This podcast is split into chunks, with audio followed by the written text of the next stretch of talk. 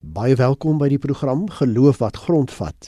In die programme gesels ons oor onderwerpe waaroor gewone lidmate in kerke onseker is en antwoorde soek. Vanaand se program is dan ook die laaste in hierdie reeks totdat ons weer met mekaar gesels. Ek is Flip Loots en by my verwelkom ek vir professor Christina Landman. Sy is professor in teologie aan Unisa. Goeienaand Christina. Goeienaand Flip, goeienaand luisteraars. Ek sê ook baie welkom aan Dr. Ronel Besuidenhout van Groot Brakrivier. Sy is telefonies by ons ingeskakel. Sy is teoloog, skrywer en motiveringsspreker. Goeienaand Ronel. Hallo julle almal. Jy as luisteraar kan ook gerus vanaand aan die program deelneem. Jy kan die SMS nommer gebruik 45889. Onthou net elke SMS kos R1.50.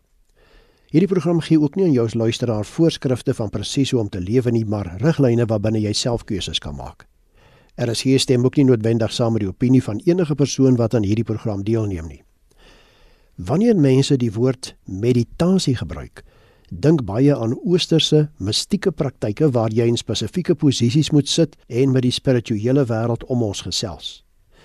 In sekere kringe word daar ook gedink aan transcendentale meditasie en 'n soeke na God se woord deur persoonlike openbarings deur meditasie. Die vraag is nou bestaan daar iets soos Christelike meditasie? Daar is mense wat so beweer deur veral na Psalm 1 vers 2 te verwys waar daar staan: Dit gaan goed met die mens wat in die woord van die Here sy vreugde vind, dit dag en nag oordink. En ook Josua 1 vers 8. Hierdie wetboek mag nie uit jou mond wyk nie, maar bepeins dit dag en nag. Geloof wat grondvat gesels vanaand so 'n bietjie hieroor.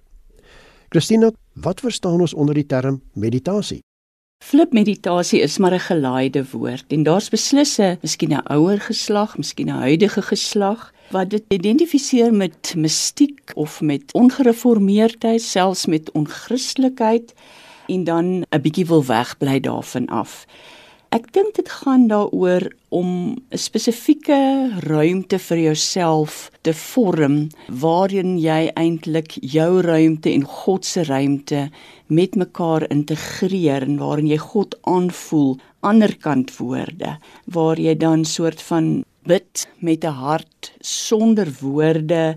Jou verhouding met God word een van verwondering een van die verstaan van die geheimenisse van God ja, dis 'n ontmoetingsplek tussen jou en God deur gebed, deur te fokus. Wat ek ook onder meditasie verstaan is dat dit kom nie van self nie. Dit is iets wat jy moet inoefen. Dit is 'n tipe van 'n dissipline. Dit is nie net sommer 'n gewone gebed nie. Ronel? Meditasie is nog altyd deel van die Christelike tradisie. Meditasie is nie iets anders as gebed nie. Dis 'n aanvulling tot gebed. So in die Christelike geloof kan 'n mens dadelik dink aan Jesus wat vir Maria gesê het terwyl sy by sy voete gesit het dat sy die beste deel gekies het. Nou wat sou daai by die voete sit beteken? Ek dink dis 'n luisterende sit. Dis om te hoor en in te neem en na te dink of te integreer. Maar dis duidelik nie of of nie. Dis nie of woorde of stilte nie. In die Christelike gebed is dit beide.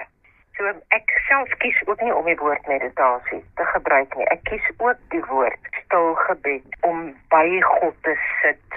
So dit is glad nie vreemd dat dit nou vandag weer skielik kop uitsteek nie. Ronel, aansluitend met wat jy nou net gesê het, waar het meditasie dan in die Christelike kerk sy oorsprong? Dis wat ons het kom dit van 'n teoloog af Antonius. Antonius het in die 4de eeu geleef en hy het sy gelowiges destyds die sogenaamde Jesusgebed geleer wat nou later in die ortodokse tradisie baie belangrik geword het. Dit daar die Kyrie eleison, Christe eleison, Here wees genadig, Christus wees genadig. So hulle het 'n stil gebed gehad omdat jy nooit die hele dag deur kan bid nie. Het hierdie 'n vorm van gebed dat as jy hierdie woorde die hele tyd herhaal, dan bring dit jou binne God se ruimte. Dit kom reeds uit die 3de eeu uit. 'n paar eeue later en dit waarskynlik in die gereformeerde kringe belangriker, was daar 'n kerkvader, Godou, wat die sogenaamde Lectio Divina geskryf het. Mense ken dalk nie almal die term nie, maar dit word vandag baie in die kerke gebruik. Lectio Divina beteken 'n heilige lees. Dit is nou nie meer 'n ding van Bybelstudie nie. Die sogenaamde Bybelstudie kom eintlik maar van die reformatie af toe almal hulle Bybels gekry het. Maar hierdie vorm was lank voor wat mense nie Bybels gehad het nie. Hulle het skrif gememoriseer en dan hulle 'n spesifieke teks gebruik uit daardie paragraaf en met daardie woorde het hulle die hele dag rank rondgeloop. Dit is amper soos 'n liedjie wat jy die hele dag in jou gedagtes sing. Dit is nie 'n nuwe 21ste of 20ste eeuse ontdekking wat ons nou skielik weer maak nie. Christina sou dit wat Christus gedoen het wanneer hy volgens die Bybel dikwels eenkant toe gegaan het om te bid, ook as meditasie beskryf kan word. Kyk ons lees in die Bybel 20 keer dat Jesus tot sy Vader gebid het. En nege van daardie kere word die woorde wat hy gebruik het ook in die Bybel aangegee. So, hoe val dit nou binne die definisie van meditasie? Seker as stil gebed, dit sal dan ook gebed met woorde kan wees. Ons sal dit nie noodwendig meditasie noem nie, maar ons sou as ons voorbeelde van meditasie uit die Bybel wou kry, wel kon verwys na Jesus se gebede wat baie baie dikwels in die Nuwe Testament voorkom. Ronel, ek het hier in die inleiding verwys na mense wat as hulle meditasie dink of die woord gebruik aan oosterse mistieke praktyke dink. Hoe verskil Christelike meditasie van oosterse meditasie? Oosterse meditasie is 'n baie doelbewuste vorm van konsentrasie jy wil doelbewus raak sien waarmee jou gedagtes besig is. Dis nie hierdie ding van jy wil jou kop stil maak. 'n Mens kan nie jou kop stil maak nie. Jou brein is gemaak om te dink. Maar jy wil agterkom waarmee is jy besig? Dis 'n baie objektiewe manier om na jou eie self te kyk. Maar dis nie wat Christelike meditasie is nie. Christelike meditasie se fokus primêr gaan nie oor myself nie. Dis nie ek wat nou hier besig is met my eie ding waarmee ek wil doen en kyk waarmee ek besig is. Christelike meditasie, as ons daardie woord kies, ek sou dink die gebed van verwondering. Dit fokus is op God. Dit is nie ek en my gedagtes nie, maar dan gaan dit oor die liefde van God en hoe ek dit leer ken, maar hoe ek dit ook persoonlik ervaar, by God kan ervaar dit sou ons dan stil gebed kon noem. So dit is waar die rasionele skrif jou leer om God in die skrif te ken, maak jy hier met God kontak en beleef jy God. Dis nie 'n emosionele ding nie, maar dis 'n affektiewe ding. Met ander woorde, dit het baie meer met ons emosionele styl. Dit gaan oor meer as net my rasionele. Sodat my beeld van God belewenis 'n kontak met God maak. Dit is RSG met die program Geloof wat grondvat en ons gesels vanaand oor wat is Christelike meditasie. Ek is Flip Loots en my gaste is professor Christina Landman en Dr. Ronel Besuidenhout. En jy as luisteraar kan gerus saamgesels, gebruik die SMS nommer 45889. Die SMS se kos R1.50. Christina, tot watter mate is God afhanklik van ons meditasie om hom meer in ons lewens toe te laat?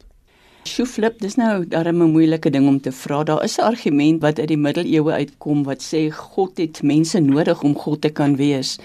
Ek dink as ons nou maar vandag 'n bietjie meer gereformeerd daarna kyk, dan sal ons sê nee, God is in geen manier van ons afhanklik nie en dat God ook nie tot ons kom deur mediasie nie. God kom tot ons deur Jesus Christus en deur die gees van hom wat in ons is.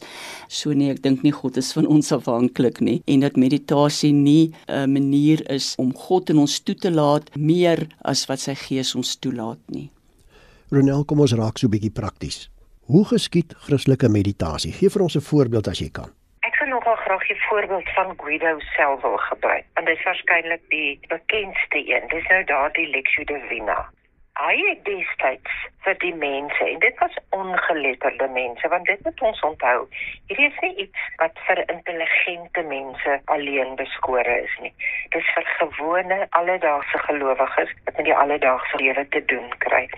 En hy het vir hulle gesê, die eerste ding wat 'n mens moet doen, 'n mens moet die Bybel lees. Maar ons lees die Bybel veral as westerse rasioneel kritiese mense. Lees ons die Bybel waarskynlik analities. Hy het gesê, moenie die Bybel analities lees nie. Lees die Bybel asof jy die Bybel lees met die oog van jou hart. Vat 'n teks en enige iemand wat nou luister kan dit doen. Vat 'n Bybelteks, vat 'n kort gelykenis byvoorbeeld lees dit sonder om krities te wees oor dit. Lees dit 'n tweede keer. Lees dit 'n derde keer. Hou aan om dit te lees. Moet nie sommer net na die eerste keer stop nie. En kyk of daar ietsie is wat vir jou uitstaan uit daardie teks uit. Iets wat ons sê sommer partykeer vir mense wat in jou oog spring. 'n Woord wat jy raak sien.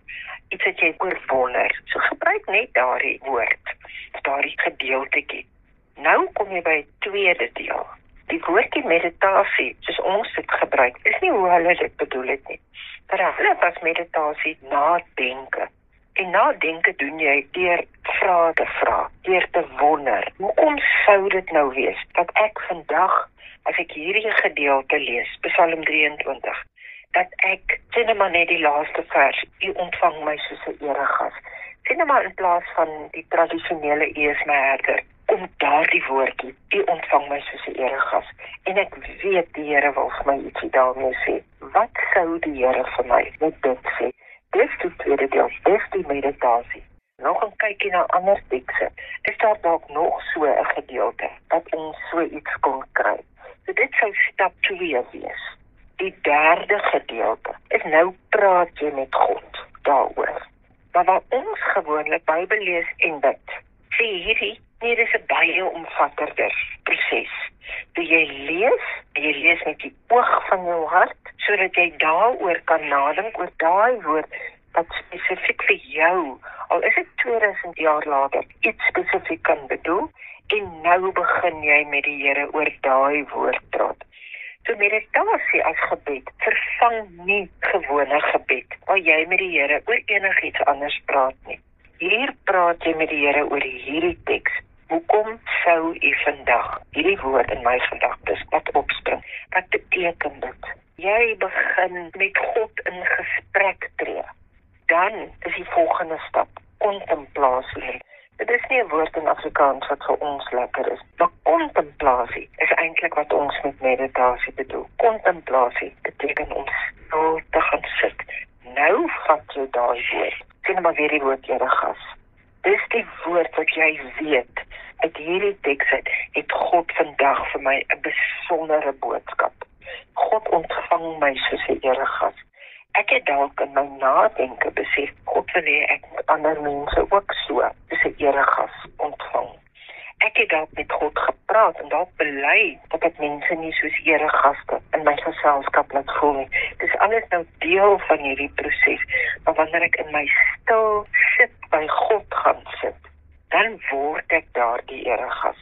Mense se kritiek is dat 'n mens die Bybel side skip wanneer jy mediteer. Dis glad en geel nie so. Jy kom vanuit die Bybel, vanuit jou eksegees en jou nadenke, deur jou gebed. Maar sluit nie by gebed af soos wat ons dit tradisioneel ken nie. Dan gaan jy oor na 'n volgende moment toe. En dis die finale moment waar jy voordat jy opstaan eers in God se geselskap sit. My ouers is 61 jaar getroud en hulle gesprekke eindig selde nie in stilte nie. Dit is daardie ervaring van stilte by God. So ek sou dink dis waarskynlik die beste plek waar iemand moet begin, net daar om met die woord met jou hart te lees totdat jy by God gaan sit daaroor. Christina Ronel het nou dikwels verwys na gebed. Ek sou nou wou vra en ek dink baie luisteraars wil ook weet is my stil gebed, daar waar ek alleen gaan sit en met God besig is, nie ook maar 'n vorm van meditasie nie en indien wel, hoekom dit dan iets anders noem? Ja, flip ek leer nou baie by Ronel vandag. Dis dan nou duidelik uit hierdie baie mooi voorbeeld wat sy nou gegee het van hoe meditasie werk, dat daar baie soorte gebede is En ons kry ook in die Bybel. Party gebede is 'n lofsang eintlik aan God, party gebede vra jy die Here 'n klomp goeders, party is gebede uit nood uit, party is gebede waarin jy jou dankbaarheid uitspreek, maar dan is daar ook gebede wat meditasie is waarin jy baie stil word en waarop jy op 'n spesiale manier voel dat jy ruimte saam met God deel wat woorde kan hê of nie woorde kan hê nie. En daarom ja, kan jy sekere soorte gebede dan meditasie noem. Dis hoe ek dit verstaan. Jy luister na. Er is geen met die program Geloof wat grondvat. Ons gesels oor wat is Christelike meditasie. Ek is Flip Lootse, my gaste is professor Christina Landman en Dr. Ronel Besuitenhout. Onthou die SMS nommer as jy wil saamgesels, 45889 en elke SMS kos R1.50. Ronel, watter rol sou jy sê speel die Heilige Gees in 'n mens se toewyding aan God en waar pas dit in by meditasie? Elke gebed het 'n funksie. As ek 'n klaaglied het, word dit gebore vanuit 'n konteks. As ek 'n loflied het, word dit gebore vanuit 'n konteks. Dieselfde met 'n stil gebed. En elke gebed word geïnspireer deur die Heilige Gees. Met ander woorde, stil gebed of 'n gebed van verwondering. Presies dieselfde. Dit word gebore vanuit die Heilige Gees. Daai teks wat sê deur die Gees leef ons en bestaan ons. Ek doen nie iets wat ek uit my eie uit doen. Asof ek dink in die proses nou moet ek met God praat en God eers aan die luister kry nie. Dis die Heilige Gees in my wat met God praat. So gebed, veral wanneer dit hierdie diep eerlike sit by God is, dan is dit God met God self praat. Die 13de eeuse meester Eckhart het gesê dat gebed waar dit nog net ek is wat praat, nog nie werklik gebed is nie, voordat die Gees nie ook gebid het nie. So dis die Gees wat ons in staat stel om te glo, om te bid, om 'n dieper verhouding met God te hê. En dis die Gees wat ons al meer beeld van God maak. 'n Gebed is eers ware gebed wanneer my beeld van God wees met God in 'n gesprek tree. Wanneer die Gees kan dit laat gebeur. Ek kan dit nie self laat gebeur nie. Christina, wat sou jy sê wat is die rol van die Bybel in meditasie? Wel as mense net tegnies daarna kyk, kan jy sê dat die Hebreëse woord vir meditasie kom 23 keer in die Bybel voor 19 van hierdie kere in die Psalms.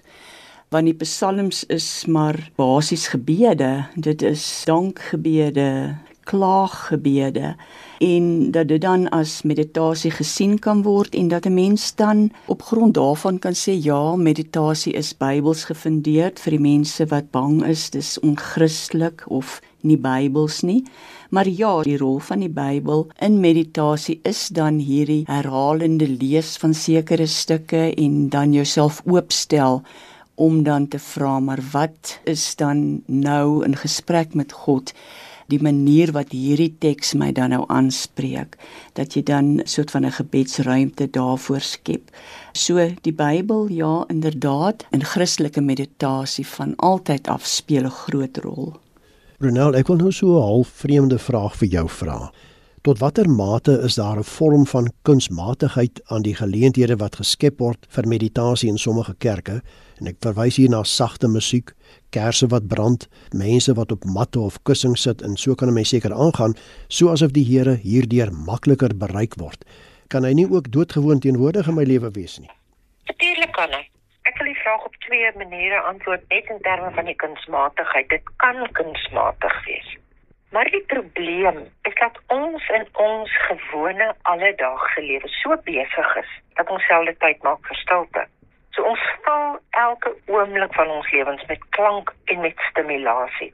So wanneer ons dan nou besluit om stil by God te gaan sit, dan weet ons skielik nie wat om te doen nie ons is werklik in daardie opsig in die opsig van stil by God. Is ons eintlik kleuters in ons geloof? Ons is nie geoefen nie. Ons is kleuters wat geleer moet word hoe om stil te sit en te luister.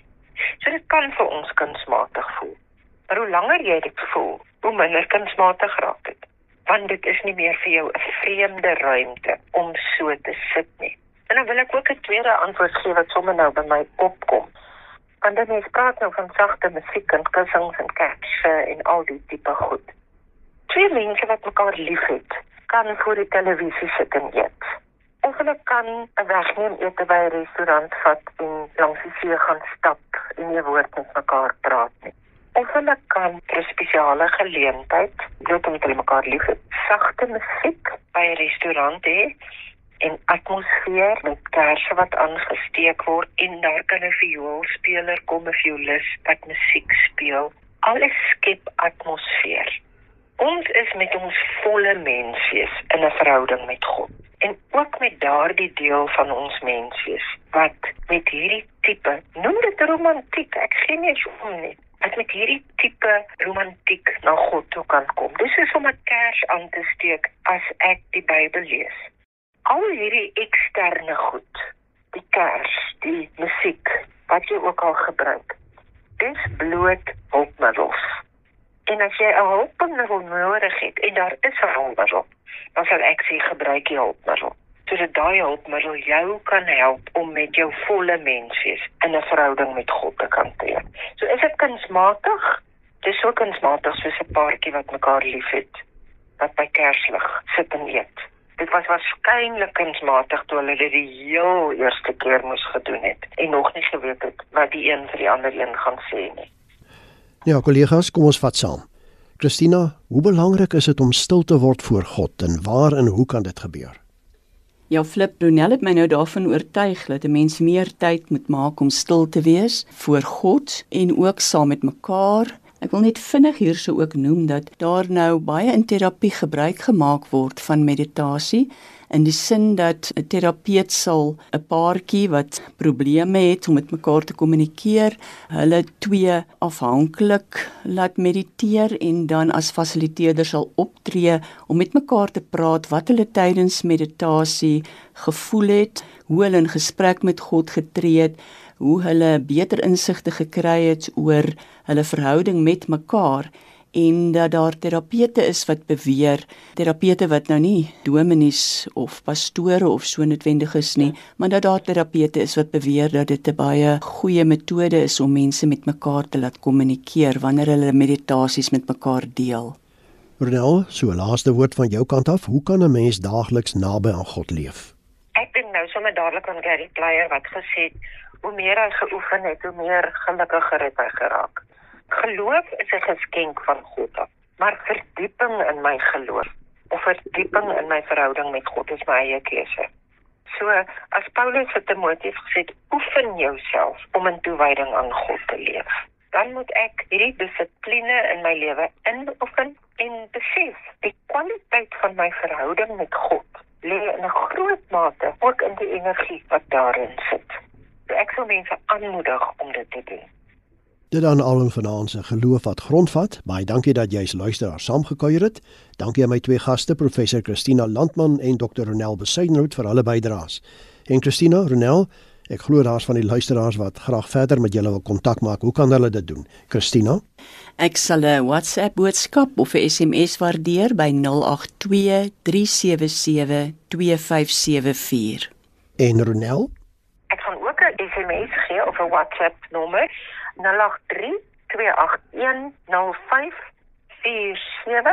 My webblad is Ronel Besuidenhout. My naam spel mens net met 'n dubbel L. .co.za. Al my inligting is ook daarop. En my kontakinligting flip by mediafocus.co.za. Nou ons groet dan eers vir oulaas wat hierdie reeks van geloof wat grondvat betref. Dankie vir die saamkuier die afgelope 3 maande. Totdat ons weer saamgesels. Alles wat mooi is. Totsiens.